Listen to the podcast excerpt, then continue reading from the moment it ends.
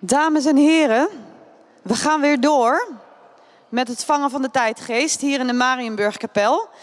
Um, ik heb in de tussentijd even gekeken in onze, in onze tijdscapsule. Wij maken namelijk een tijdscapsule. Wij nodigen mensen uit om uh, daar iets op te schrijven over wat zij denken dat de tijdgeest karakteriseert. En er zit al best wel wat in, dus ik heb er een paar uitgepakt. Ik vind het wel leuk. Aan het einde van de avond gaan we, um, heb ik ze allemaal doorgenomen in mijn hoofd. Uh, en gaan we dat nog bespreken met Matthijs van der Zanden en uh, Joyce Guzman Vermeer, twee filosofen. Maar deze wil ik u alvast niet onthouden. Uh, dat de tijdgeest wordt gekenmerkt door de tweesplitsing tussen het hip zijn van druk uh, en de trend van onhaaste en back to basic. Dat zat ook al wel in een van de lezingen die voorbij kwam. Nog weer, individualistisch maakbaarheidsidealen. Um, dat zat ook in de lezing van Mira Vechter. Hè. We willen graag ons lichaam controleren. Hedonisme, gezondheid en succes.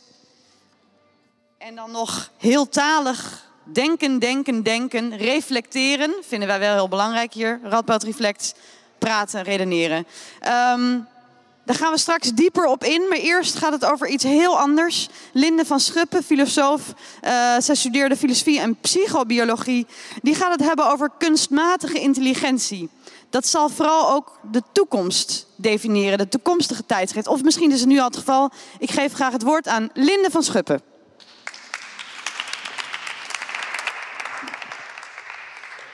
Uh, hallo? Ja, hij staat aan. Goedenavond. Uh, ik ga vanavond niet zozeer uh, expliciete tijdsgeest duiden, als wel uh, over een onderwerp praten wat de gemoederen bezighoudt in onze tijd. Dat telt ook. Ehm, ik wil eigenlijk beginnen met de constatering dat het wel kenmerkend is dat de laatste jaren ehm, worden gedomineerd misschien door een gevoel van angst. En nu denkt u natuurlijk, ik ga het over politiek hebben, maar dat ga ik niet doen. ik wil het met u hebben over robots. Uh, de grote der aarde uh, waarschuwen de laatste tijd voor superintelligente robots die de wereld uh, zouden komen veroveren. zo was er Stephen Hawking, die de verdere ontwikkeling van intelligente machines wel ehm, waarschuwde dat dat wel iets tot het einde van de mensheid zou kunnen leiden. En ook Elon Musk is bang voor de robotapocalyps. Uh, en hoe realistisch is dit? Nou, ik ga niet pretenderen dat ik jullie hier een sluitend antwoord ga geven op die vraag. Uh, maar ik wil u wel iets vertellen over het soort intelligentie dat robots uh, op dit moment bezitten. En het soort intelligentie dat ze nodig zouden moeten hebben, volgens mij, om de wereld over te nemen.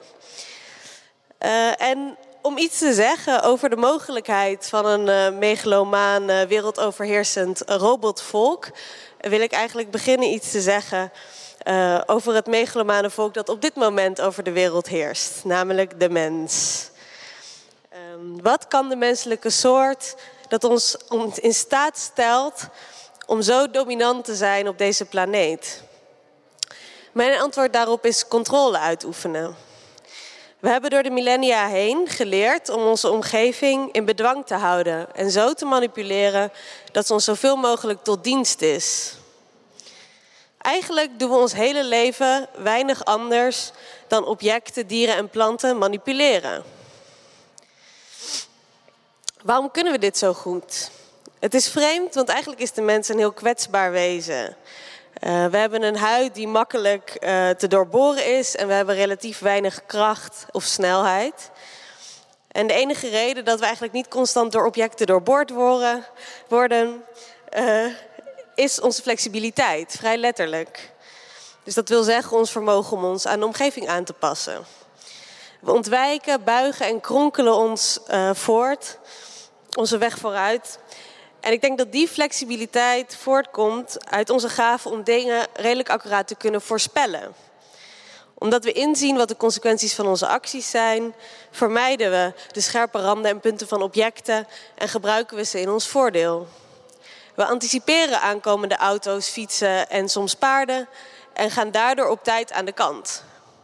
En omdat we de nabije en verre toekomst goed kunnen voorspellen, zien we een groot aantal mogelijke acties waaruit we vervolgens kunnen kiezen of die we creatief met elkaar kunnen combineren om zo ons doel te bereiken.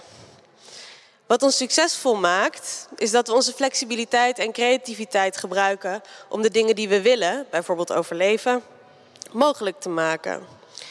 Dus samenvattend doen we dus allereerst kunnen we goed voorspellingen maken en zo anticiperen op onze altijd veranderende omgeving. En ten tweede, we kunnen vervolgens flexibel en creatief uh, die omgeving manipuleren uh, om het in ons voordeel, uh, zodat het in ons voordeel uitpakt. Laten we nu kijken naar kunstmatige intelligentie en de dingen waar robots op dit moment mee bezig zijn. Kunstmatige intelligentie gaat van ouds haar uit van het idee dat cognitie, intelligentie en denken gestoeld is op het manipuleren van symbolen. Dus er zijn een aantal representaties, ofwel symbolen van objecten in de wereld. Die worden gerepresenteerd door nullen en enen. Uh, en die staan symbool voor dingen in de wereld. Nu hebben we die representaties, nullen en enen. En vervolgens voert de computer daar berekeningen over uit. Dus een schaakcomputer representeert de schaakstukken op het bord en het bord zelf. En voert berekeningen over die representaties uit. Uh, die de regels van het schaakspel volgen. Deze insteek heeft ertoe geleid dat kunstmatige intelligentie goed kan omgaan met grote hoeveelheden data. En daar patronen in kan herkennen door bijvoorbeeld die data met elkaar te vergelijken. Maar schaken is een spel dat zich afspeelt in een gecontroleerde omgeving. Met een gecontroleerd aantal regels. En wat zou je nou doen als je de schaak, de, het schaakbord opeens groter maakt? Of als je in één keer heel baldadig allemaal schaakstukken van de schaakcomputer gaat slaan zonder dat dit mag, tegen de regels in. Wat doet de computer dan? Wat, wat kunstmatige intelligentie op dit moment nog niet kan, is op eigen initiatief afwijken van de regels die door mensen zijn ingeprogrammeerd. En dat heeft met twee dingen te maken die verbonden zijn aan de twee eigenschappen die ik eerder noemde.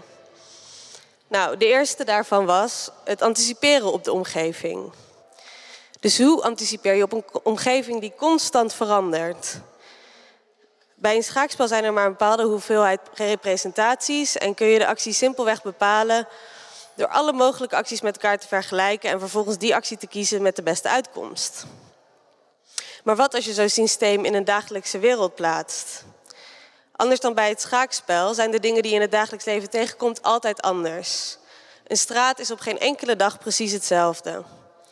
En wij selecteren de dingen waar we aandacht aan schenken aan de hand van de doelen die we stellen. En die veranderen constant, afhankelijk van de context. Kunstmatige intelligentie is tot nu toe echter nog niet erg contextgevoelig. Um, simpelweg omdat alle stimuli van de omgeving voor een robot neutraal zijn. We hebben angsten, wij zijn nieuwsgierig, wij voelen liefde. En al die dingen zorgen ervoor dat we direct de betekenis waarnemen in de objecten die we waarnemen.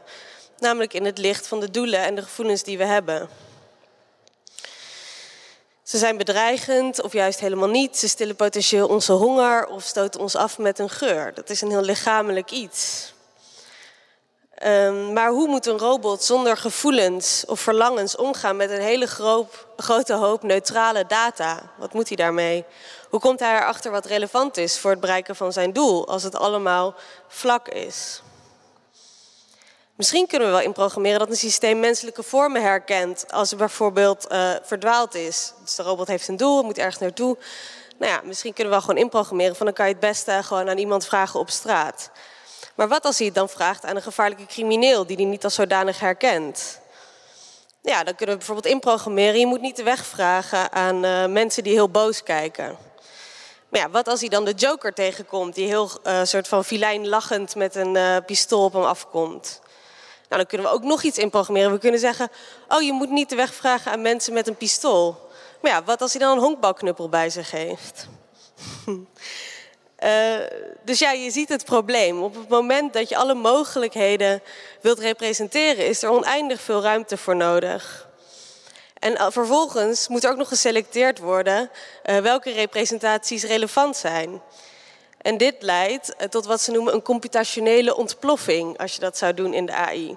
Het is gewoon te veel rekenwerk, het kan niet. Nou, dan is er ook nog de tweede voorwaarde voor ons menselijk succes: het flexibel en creatief manipuleren van objecten in ons voordeel. Om te beginnen bij dat laatste, in ons voordeel. Wat is in het voordeel van de robot? Het kan hem niks schelen als hij kapot gaat.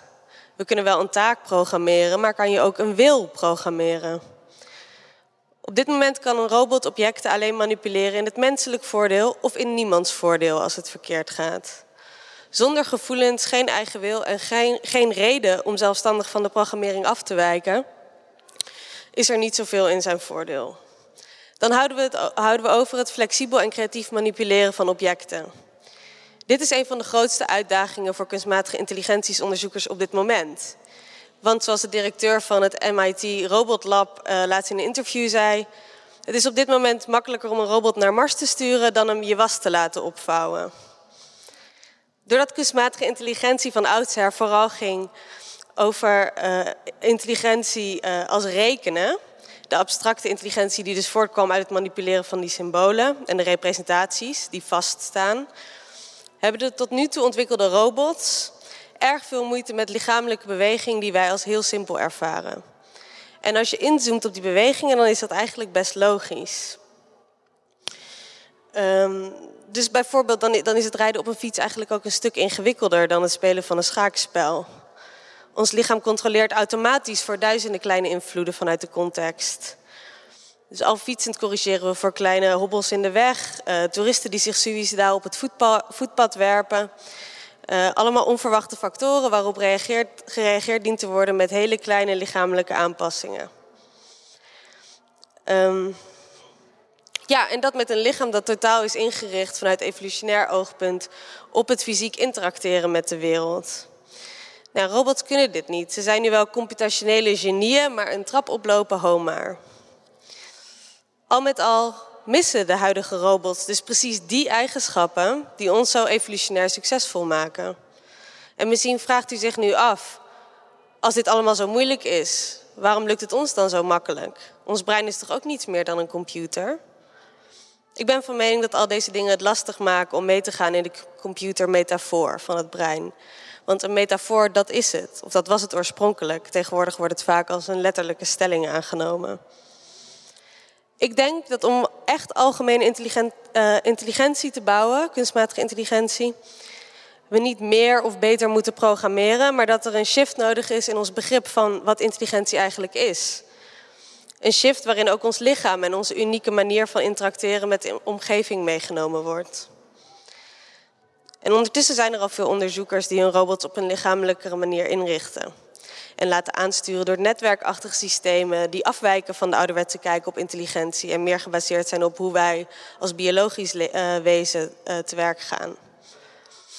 Ze boeken daar langzaam resultaten in. Het leger heeft nu een soort hond ontwikkeld, uh, een soort ezel die materiaal kan dragen over heel moeilijk begaanbaar terrein. Uh, het is heel interessant om te zien. Je krijgt ook meteen ontzettend medelijden op het moment dat iemand die hond trapt, want hij beweegt heel biologisch. Um, dus ja, dit geeft kunstmatige intelligentie misschien een bepaald soort autonomie. Maar de soort autonomie die het toelaat keuzes te maken naar aanleiding van de eigen verlangens lijkt nog ver weg. Ik stel daarom een hecht samenwerkingsverband voor. Beide, uh, mens en robot, hebben een ander soort intelligentie en misschien zelfs wel een ander soort bewustzijn. Maar in plaats van appels met peren te vergelijken, kunnen we misschien beter uh, doorgaan zoals we nu al doen met een uh, appel-perentaartje bakken en samenwerken. Dank.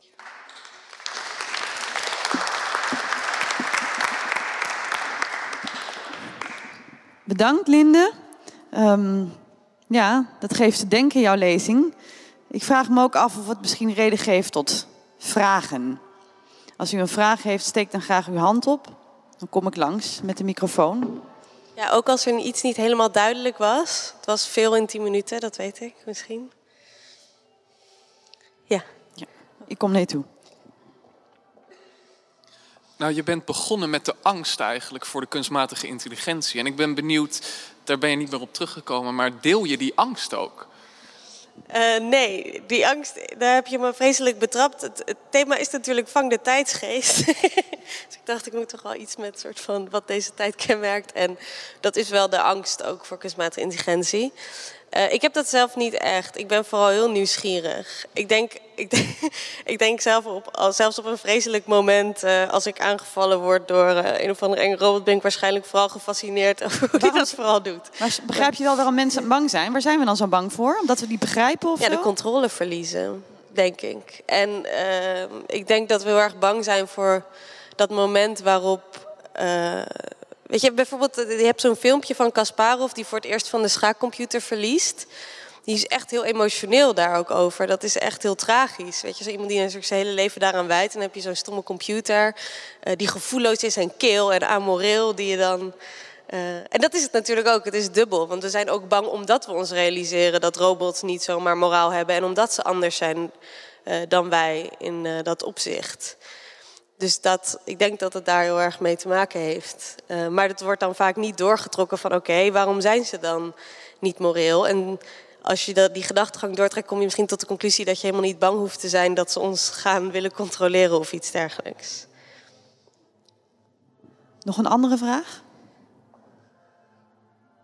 Ja, helemaal achterin. Wacht, anders ben je niet te verstaan. Yes, ik dacht, ik ga het gewoon vragen. Uh, ik weet niet, misschien hebben mensen wel Westworld gezien. Uh, dat gaat over uh, robots die eigenlijk um, zo geprogrammeerd zijn dat ze net als mensen zijn, maar misschien zelfs meer mens zijn dan de echte mens. Dat is een beetje in het midden. En ik vroeg me af, ook een beetje in het verlengde van zijn vraag, denk je dat zoiets mogelijk is in de toekomst? Dat je dat wel dat aanpassingsvermogen met geweldige computers zou kunnen maken. En dat ze betere mensen zouden kunnen zijn zelfs. Of meer mens zouden kunnen zijn dan mens. Dan... Nee, ik, ja, ik weet niet precies wat dat betekent om meer mens te zijn. Uh, misschien bedoel je meer moreel of zo, of creatiever. Of... Um, oeh, ja, dat is eigenlijk best wel een goede vraag. Um, misschien niet zozeer moreler, maar juist meer... Um, juist meer aanpassingsvermogen. Of ah, okay. uh, juist. Uh, mensen hebben ook best wel wat haperingen in bepaalde dingen, maar misschien dat zij. Ja, ik, ja, ik weet, weet het eigenlijk ook niet helemaal. Maar ik ja, ben wel ik, nee, benieuwd ik snap naar wat je bedoelt. Ja. Nou ja, ik denk dat. Um, ik Oké, okay, ik ga sowieso niet ja of nee zeggen op die vraag. Want dan. Uh, ik, dit is gewoon een hele moeilijke vraag. Ik denk uiteindelijk, je ziet ook heel erg. Ik was vroeger wat pessimistischer, maar je ziet ook heel erg dat er veel vooruitgang uh, in kunstmatige intelligentieonderzoek is. En dat het ook steeds meer uh, die kant op gaat. Dus je hebt steeds meer machines die zelf leren. En bijvoorbeeld zelfrijdende auto's kunnen nu ook best wel goed interacteren met de omgeving. Dus ik denk dat het misschien wel kan, maar ik denk dat er een soort switch moet zijn van in plaats van dat narratief van oh het brein is als een computer, moeten we meer van oh laten we eens computers gaan maken die meer lijken op het brein. Dus dat je echt moet gaan kijken van hoe werkt die biologie. En uh, die werkt heel anders dan een computersysteem. En ik denk dat op het moment dat je echt flexibele, zelflerende wezens wil maken, dat je echt heel goed moet gaan kijken van wat is er nou zo essentieel aan die biologie. En, en kunnen we überhaupt een soort hardware of wetware maken dat die eigenschappen, soort van die, die, die, dat aanpassingsvermogen van cellen überhaupt, die, die, die dat ook kan. Want dat is natuurlijk ook biologisch materiaal past zich aan. Dat zijn levende dingen en dat heb je niet met een hardware chip. Dus het zou misschien wel kunnen, maar ik denk dat er een ontzettende um, verandering in, in het denken over intelligentie nodig is voordat dat echt uh, hard gaat gaan. Oké, dat was hem. We gaan, uh, sorry, die vraag mag u dan zo aan haar persoonlijk stellen.